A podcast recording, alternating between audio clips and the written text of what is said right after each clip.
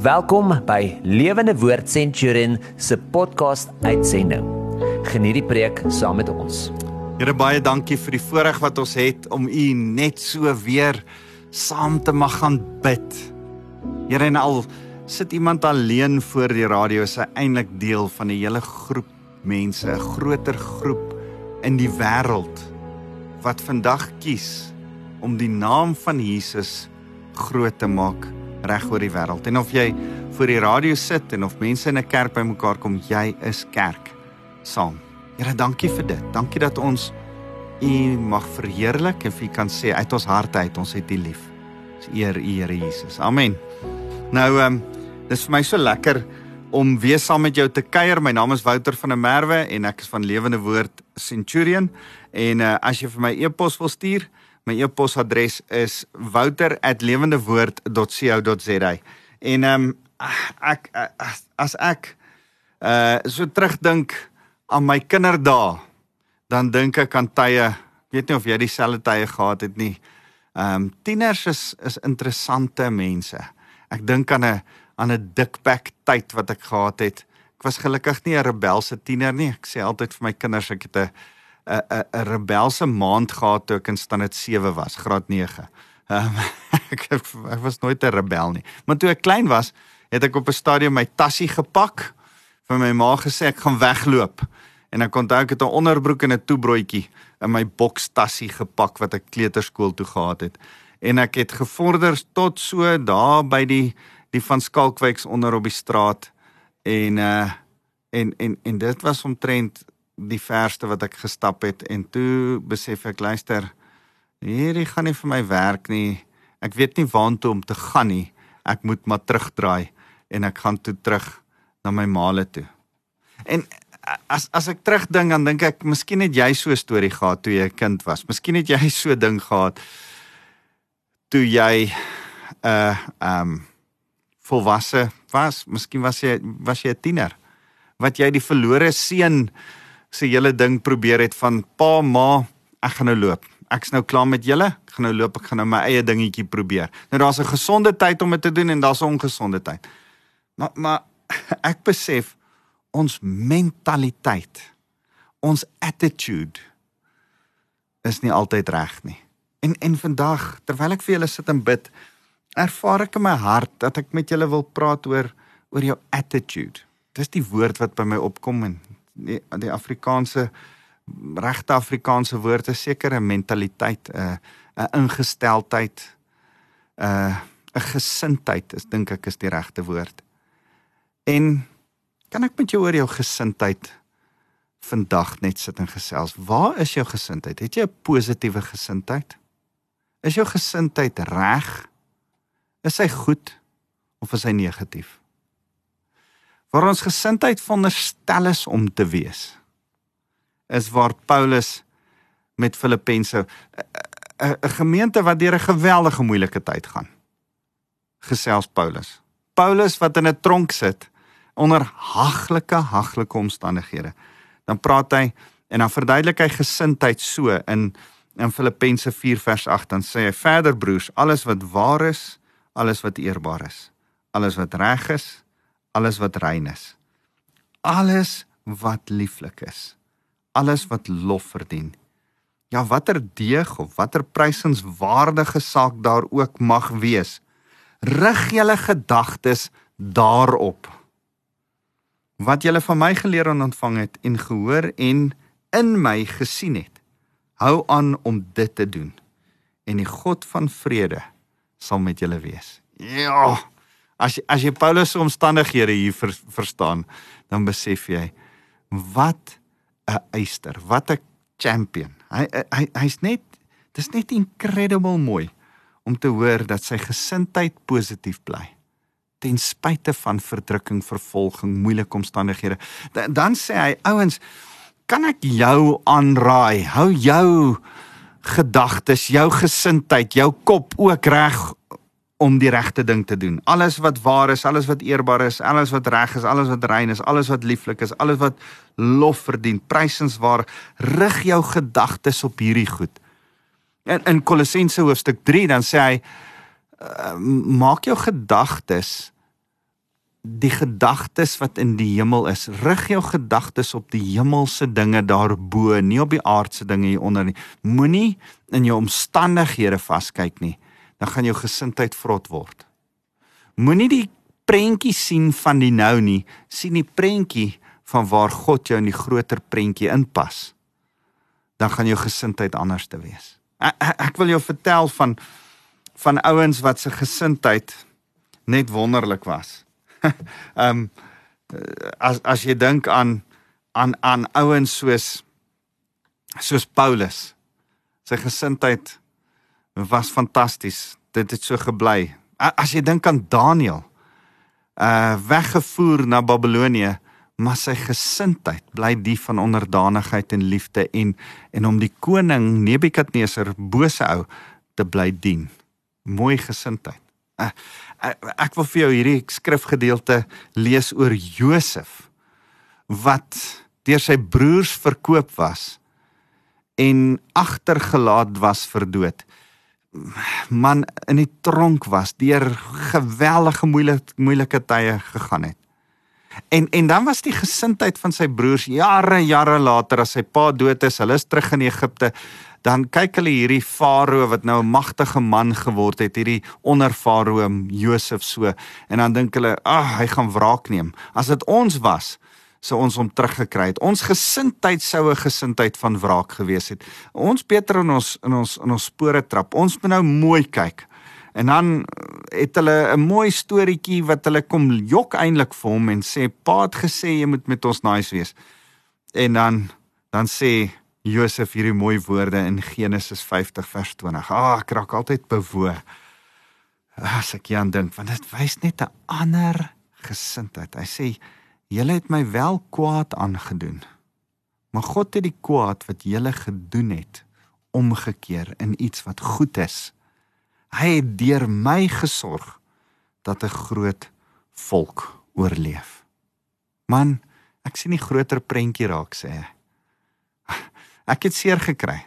Maar my seer kry het julle en eintlik ons hele volk gehelp. 'n Hele klomp ander mense het my seer kry gehelp. Ek het 'n ander gesindheid. Ek het nie 'n gesindheid van wraak nie. Die Here sê oor Caleb, daar was 'n man met 'n ander gesindheid. Uh oor Dawid sê hy, man, hy moes vlug vir Saul. Hy maar hierdie was 'n man in wie God 'n welbehaag gehad het, iemand 'n vriend van God, iemand vir wie die Here lief was. En dan dink ek, Here help my dat my gesindheid reg bly. Help my om die prentjie te sien wat Josef gesien het. It's not about me. Dit gaan oor meer as ek. Daar's 'n groter prentjie van 'n wyeer geskiedenis. En dan dink ek aan Romeine 8 vers 28 wat sê uh, op die einde laat die Here alles ten goeie meewerk vir die wat hom liefhet en geroep is na sy wil. Die Here laat alles ten goeie meewerk en daarom moet my gesindheid reg wees. Jy sien, as as as ek kyk na wat in die geskiedenis gebeur het, dan dink ek ja, in in die Bybel sien ons mense met verkeerde gesindhede, nê. Ehm um, ek ek dink aan 'n paar, Miriam wat wat besluit dat sy haar broer 'n bietjie gaan gaan reg sê. Moses is die leier van die volk en sy's nie heeltemal met die gelukkig met die vrou wat Moses gekies het nie. Jy sien, Moses kies 'n vrou uit 'n ander rasgroep uit as wat hulle is. En en dan kyk sy en sê, "Hoorie, maar dis 'n ander ras daai. Jy kan nie met daai vrou trou nie. Dis nie dis nie reg nie. Dit voel nie vir my reg nie." En en en, en vanuit daar vooropgestelde idee van rasisme. Kom sy en sy waarsku haar leier, haar kleiner boetie, maar nou haar leier. jy sien, baie keer mis ons dit. Man, ek ken hierdie ou, hy was my klein boetie, ek het sy doek skoon gemaak. Nee nee, nou sy jou geestelike leier. Baie keer kyk jy na ou en sê, "Man, dit was 'n jong ouetjie daar in die jeuggroep altyd gewees. Wie's hy nou?" Nee, nou is hy jou pastoor. Nou moet jy na hom luister. Partykeer kyk ons ek ek sien ons het 'n nuwe burgemeester, 'n jong ou in Tswane. En en ek wil hom seën kom toe bid. Ek dink sy van Asilie. En en ek wil hom seën kom toebid. En kom dink wat Paulus sê oor Timoteus, moenie op sy jonkheid neerkyk nie. Moenie moenie kyk en die Here rig hom op. Eh, Romeine 13 vers 1 sê dat alle autoriteit deur die Here daar aangestel is. En kan ons vir hom bid en sê al is hy jonk. Al is hy 'n jong man en in jou oë dalk onervare, die Here het nie so gedink nie. Die Here het hom aangestel. Kom ons bid vir hom seën toe. En en en hier is die hele ding wat ek vir jou wil sê. Miriam mis dit. Toe sy dink sy het 'n plek om haar broer aan te vat oor sy persoonlike lewe. Toe sy dink sy het die reg om iets aan te spreek wat sy nie die reg gehad het nie. Jy sien, sy het kritiek, 'n gesindheid van kritiek in haar hart gehad. En ek en jy waar ons nou sit, staan ons voor keuses. Ek en jy kan kritiek in ons hart hê. En ons kan met kritiek oor die regering sit en ons kan met kritiek oor ons autoriteit sit, met kritiek die mense wat jou organisasie lei, kritiek daar by die werk by jou baas, kritiek oor die mense wat die Here vir jou 'n autoriteit, miskien jou man. Kritiek. Ek wil vir jou sê Miriam se kritiek het in Melaats opgeëindig. As jy daai hele storie in Numeri 12 gaan lees en ek wil hê jy moet dit gaan lees. Ek gaan dit nie nou als lees nie, maar Miriam kom saam met haar Aaron en gaan vat hulle jonger broer wat nou die leier van Israel is. Vergeet dat hy hulle broer is. Hy's nou die leier. Uh die die eerste minister, die voorloper van die volk van Israel. Die Here kies hom. En nou vat hulle hom aan en hulle sê ons dink jy's verkeerd en die, en die Here kom en sê nee stop stop stop en die Here verskyn in 'n wolk aan hulle en sê nee julle is verkeerd hy's reg en as dit gebeur en die wolk verdwyn dan het Aaron nie uh melaats nie want hy is die hoofpriester anderste sou hy hy kan bly wees hy's die hoofpriester anderste sou hy ook melaats gehad het. Maar as die wolk verdwyn staan Miriam daar. En Miriam verteenwoordigend van haar en Aaron verteenwoordigend van elke mens wat kritiek in sy hart het staan melaats staan onrein met 'n velsiekte onrein en sy moet die kamp verlaat en sy moet eintlik gaan doodgaan alleen. Jy sien onreinheid melaats geestelike melaatsheid los ons eensaam uit weggestoot van ander en maak ons eintlik op die ou ende geestelik dood. Gelukkig is Moses wakker genoeg en hy hy, hy pleit om genade vir Miriam en hy pleit dat die Here Miriam se melaatsheid sal wegneem en die Here doen dit en genees vir Miriam maar sy moet nog steeds deur 'n reinigingstyd gaan Kritiek los ons vuil. Kritiek los ons gedagtes en ons harte vuil. Kritiek los die met wie ons in aanraking kom en ons skinder in krities met 'n kritiese gees saam met hulle ook vuil. En ons steek soos 'n melaatsheid aansteeklik was, is ons skindertonge, ons verkeerde gesindheid aansteeklik. En en ek wil vir jou sê, moenie met melaatsheid sit nie. Moenie met kritiek sit in jou lewe en ander aansteek nie. Dit het nie vir Miriam goed geëindig nie. Prys die Here vir die genade dat Moses ten spyte van die moeilike tyd wat hulle hom gegee het, gebid het vir genesing en sy genees is. As as jy as jy dink aan die kritiek, dink aan die kritiek wat wat Josef teenoor sy broers sou kon gehad het. In die tyd wat Josef opgerig was as farao, in die tyd wat hy in die tronk was en vir Potifar gewerk het, in daardie tyd het Juda by sy sy sy seun se vrou geslaap en met haar 'n tweeling gehad. Hy hy kon al, hy kon vir Juda gekritiseer het. Het Simeon en en en die ander ouer broer gegaan Ehm um, en en uh Ruben en Simeon, Ruben het by sy pa se vrou geslaap.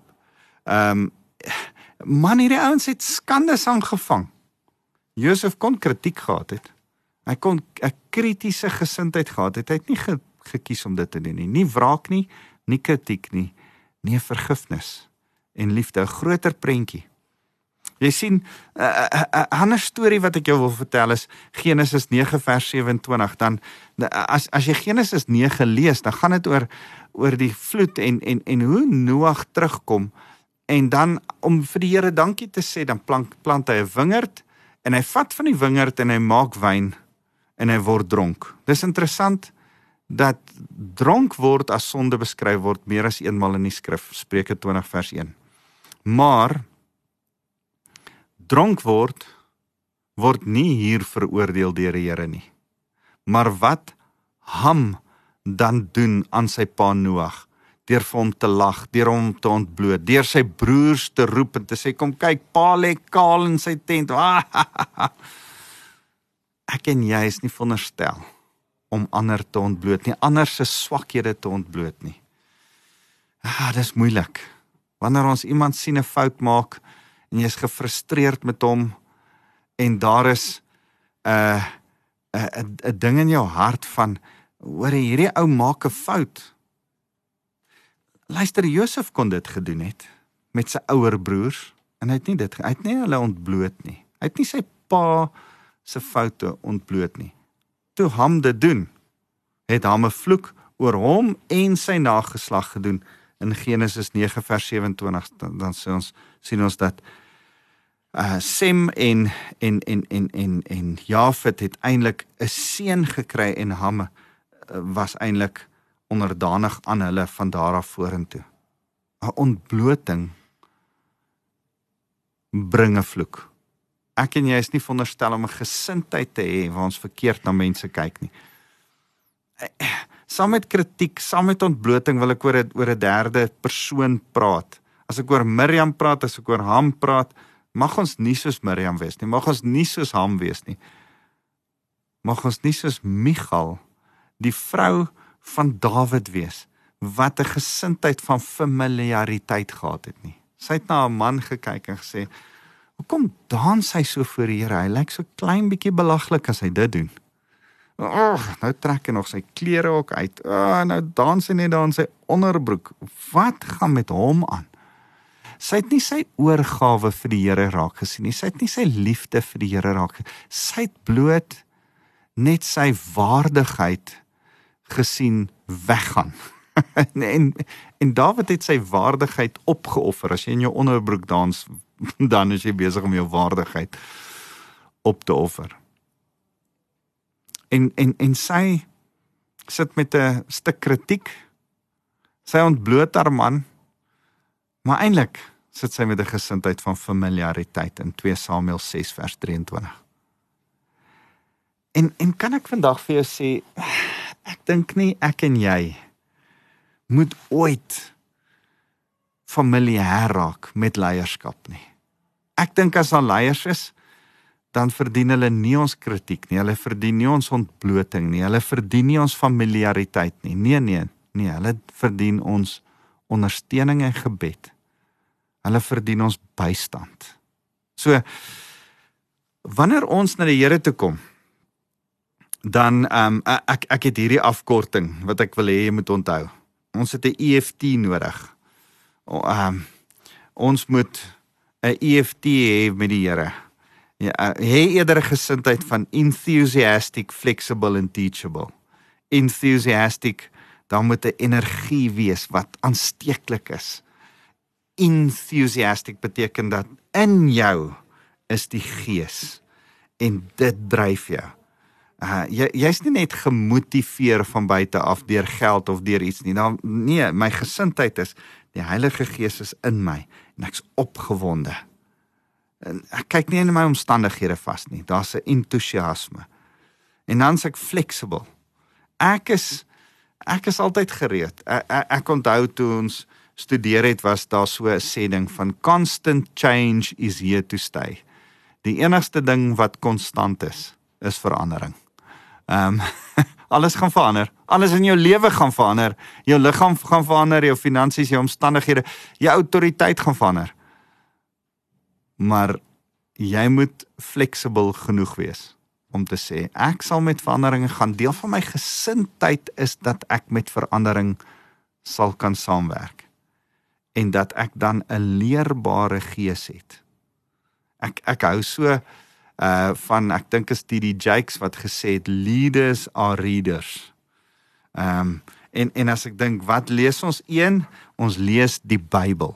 Uh, dis belangrik ehm um, hê 'n gesindheid van 'n leerbare gees en lees jou Bybel. Dit sorteer die Bybel sorteer jou gees uit, sorteer jou gesindheid uit. Twee dink ek is dit belangrik dat jy ehm um, leierskap goed moet lees en leer en agterkom, hey, wat gaan aan my in die wêreld aan? Lees jou koerant, lees die goed om jou. En die derde ding is as jy werk, as daar sekere ekspertise is waarmee jy jouself moet oplei, hou aan om 'n student van jou vakgebied te wees. Moet nooit ophou leer oor jou eie vakgebied nie. Dit dit is vir my so wonderlik uh, um iets wat ek vroeg in my lewe geleer het toe my my vrou se ginekoloog uh, um haar kom besoek uh, in die hospitaal met ons derde babatjie en vra ek vir hom um jong dis vroeg dis dis half 6 die oggend. Hoe laat staan jy op? Sê o nee ek staan half 4 in die oggend op dan werk ek 'n uur lank op my op my laptop aan aan wat's die nuutste tegnologie in medisyne vir my veld en dan gaan ek en dan trek ek aan en dan begin ek die mense eh, hospitaalbesoeke doen en ek dink wat 'n dissipline nou nou ek doen dit eerstens 'n uur Bybelstudie voordat ek 'n uur oor mediese goed leer Maar daar's daar's iets van die ou se vakgebied wat ek wil hê jy moet raak sien. Leer oor jou vakgebied. Bly kundig, hê 'n leerbare gees. Leer uit die woord, leer van die wêreld om jou, maar leer jou eie vakgebied. Dis geweldig belangrik. Leer, leer, be teachable. Enthusiastic, flexible and teachable. 'n EFT. Maak 'n EFT met jou gesindheid. Trek onttrek van die Here. Um, daai wonderlike belegging wat hy vir jou kan gee. Ek dink in in 'n tyd waar ek sit en uh ek ek lees hierdie boek oor hierdie demoniese magte wat weer terugkom in ons wêreld in want ons is besig om Jesus Christus nie meer plek te gee in ons gemeenskap en in ons wêreld nie. Dan besef ek, hoorie, dit begin by my en jou ek en jy moet weer ons gesindheid regkry. Ek en jy moet weer Jesus Christus terugbring in ons harte en in die wêreld om ons. So kan ek weer vir jou hierdie Filippense 4 weer deurlees. As ek en jy praat oor gesindheid en en en jy vat vandag so 'n bietjie jy's eerlik met jouself. Jy jy din, doen introspeksie en, en ek vra daar waar jy nou vir my sit en luister. Wat is jou gesindheid? Wat is jou gesindheid op die oomblik? Hoe voel jy? As jy kwaad, as jy gefrustreerd, wat is jou gesindheid? Wat is jou gesindheid oor die mense om jou? Die persoon waaraan jy nou dink. Kollega, vriend, familielid. Wat jou gesindheid teenoor daardie persoon? Wat jou gesindheid teenoor daardie persoon wat jou juis te nagekom het. Onthou jy vir Josef? Genesis 50 vers 20. Wat's jou gesindheid? Wil jy hulle terugkry? Ek gaan vra ek nie, maar ek sal hulle wys. Nee, dis nie die gesindheid waarvoor die Here ons geroep het nie. Laat ek weer vir jou lees. Wat's Paulus se gesindheid wat hy wil aanbeveel vir die gemeente van Filippense. Hy vers 7, ek lees vir jou nou twee verse terug, vers 6, moet oor niks bekommerd wees nie, maar in alles maak julle versoeke deur gebed en smeking met danksegging aan God bekend. En die vrede van God wat alle begrip, alle verstand te bowe gaan sê 'n ander vertaling, wat alle begrip oortref, sal in Christus Jesus oor julle harte en gedagtes waak. Jou gesindheid sal bewaak word as jy vir die Here bly dankie sê, sê hy. En dan sê hy, met daai gesindheid in dankbaarheid verder broers, alles wat waar is, alles wat eerbaar is, alles wat reg is, alles wat rein is, alles wat lieflik is, alles wat lof verdien. Ja, watter deeg of watter prysenswaardige saak daar ook mag wees, rig julle gedagtes daarop want julle wat julle ook al van my geleer en ontvang het, gehoor en in my gesien het, hou aan om dit te doen en die God van vrede sal met julle wees. Wil jy vrede hê? Wil jy rustig raak? Wil jy kalmte in jou hart hê? Wil jy gesindheid hê van, "Sjoe, ek voel lekker in my hart. Dit gaan goed met my." Dan het jy nodig om jou gedagtes reg in te stel en te sê, "Here, ek wil U eer met alles wat rein en reg is." Kom ons bid saam. Here, baie dankie dat ons net so kan kom stil word, almal van ons saam en sê Here, ons behoort aan U. Maar Here, ons het ook reg tot inspraak teenoor mekaar. Ons is verantwoordbaar vir mekaar. Ons verantwoordelik vir mekaar. En Here, daarom vra ek dat ons ons gesindheid teenoor mekaar, teenoor my familie, teenoor my vriende, teenoor my kollegas, Here dat ek my gesindheid konstant reg sal hou en dat my gesindheid nie vrot sal wees nie skeef sal wees, negatief sal wees nie, dat ek nie kritiek sal hê in my hart nie. Dat ek nie ander te na sal kom deur hulle te ontbloot nie. Here dat ek nie familieer sal wees in hoe ek ander sal hanteer nie. Maar dat ek in die liefde van my hart met omsigtigheid mense altyd beter as myself sal hanteer. Here waar ons voor U staan, vra ek dat U ons gesindheid reg sal hou vir U. Maar ons besef, Here, dis nie U werk nie, dis ons werk om ons gesindheid reg te hou. Mag ons ons gesindheid nou aan U kom offer soos wat Josef sy gesindheid vir U geoffer het. Nie 'n gesindheid van wraak nie, maar 'n gesindheid van liefde.